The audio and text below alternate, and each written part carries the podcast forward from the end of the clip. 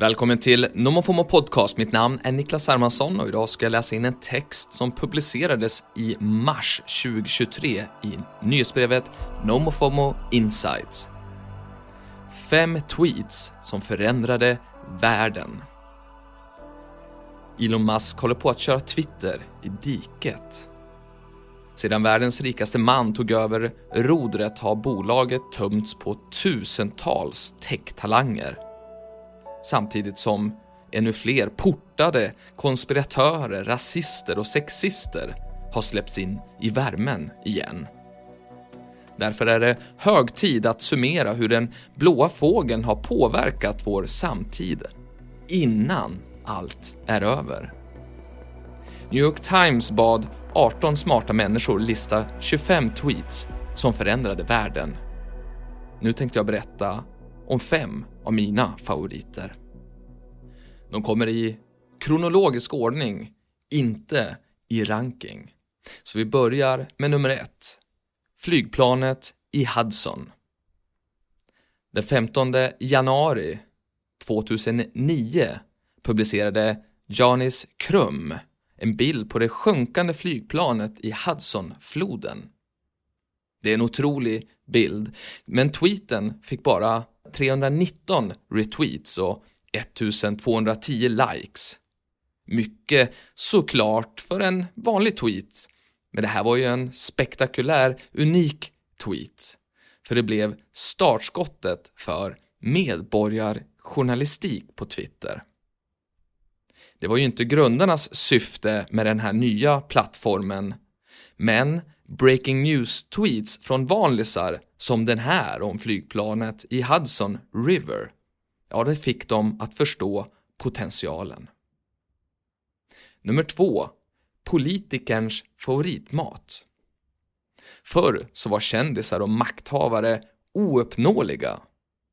Men tack vare Twitter så kan vem som helst numera nå vem som helst. Det där insåg användaren Robercat den 14 december 2009 när han ställde den här briljanta dubbelfrågan till den amerikanske senatorn Chuck Grassley. Chuck Grassley, where are the jobs? Where are they? Also, what is your favorite food? Robert Katz avslutade med att signera tweeten med sitt namn, Robert. Senatorn svarade att hans favoriter är Ice cream first, Beef second and pork third. Men han duckade frågan om jobben. Att vem som helst kan prata med vem som helst, det är ju Twitters skärm. Men det har också blivit smärtsamt tydligt att även kändisar kan bli trollade. Och därmed också trollare lite längre fram. Elon Musk är ett bra exempel på det. Nummer 3. AIDS-skämtet. Den eh, 20 december 2013 drog den 31-årige PR-chefen Justine Sacco iväg följande tweet innan hennes plan till Sydafrika lyfte. Going to Africa. Hope I don't get AIDS. Just kidding, I'm white. När Sacco landade några timmar senare trendade hon på Twitter. Trots att hon bara hade 170 följare. PR-chefen fick sparken från sitt jobb och idag ses hon som online-världens första cancel culture-fall. Incidenten komplicerade även journalisternas jobb eftersom nya frågor föddes.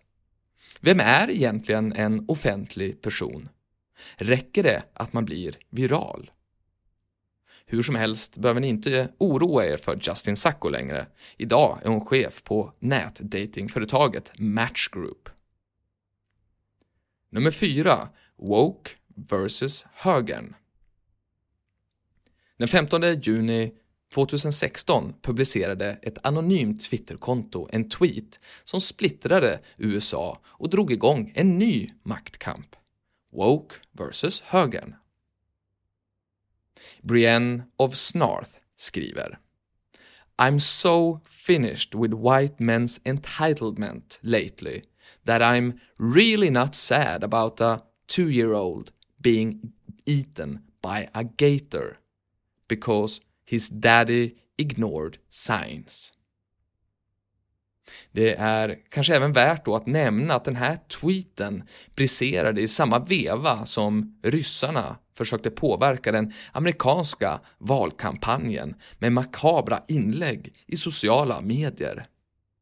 Typ ett sånt här inlägg. Alltså, någon som inte längre bryr sig om att en tvååring blir äten av en krokodil eller alligator därför att pappan ignored signs. Vart är världen på väg? Nummer 5. Det brinner i San Diego. Den 23 oktober 2007 öppnade sig en ny värld. Då föddes hashtaggen. Och över en natt blev det lättare att dela och hitta specifikt innehåll.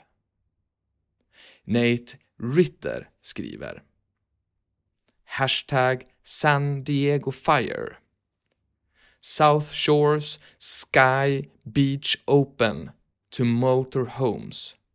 Fiesta Island is open to first 500 livestock that come in.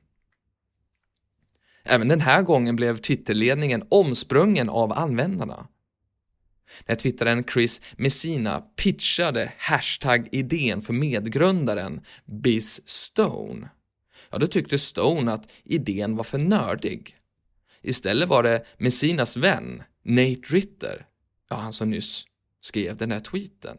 Ja, han tog chansen att skriva in sig i historieböckerna när det började brinna i San Diego några veckor senare. Och resten är, som ni vet och som det heter, historia. Tack för att du har lyssnat. Vi ses och vi hörs snart igen.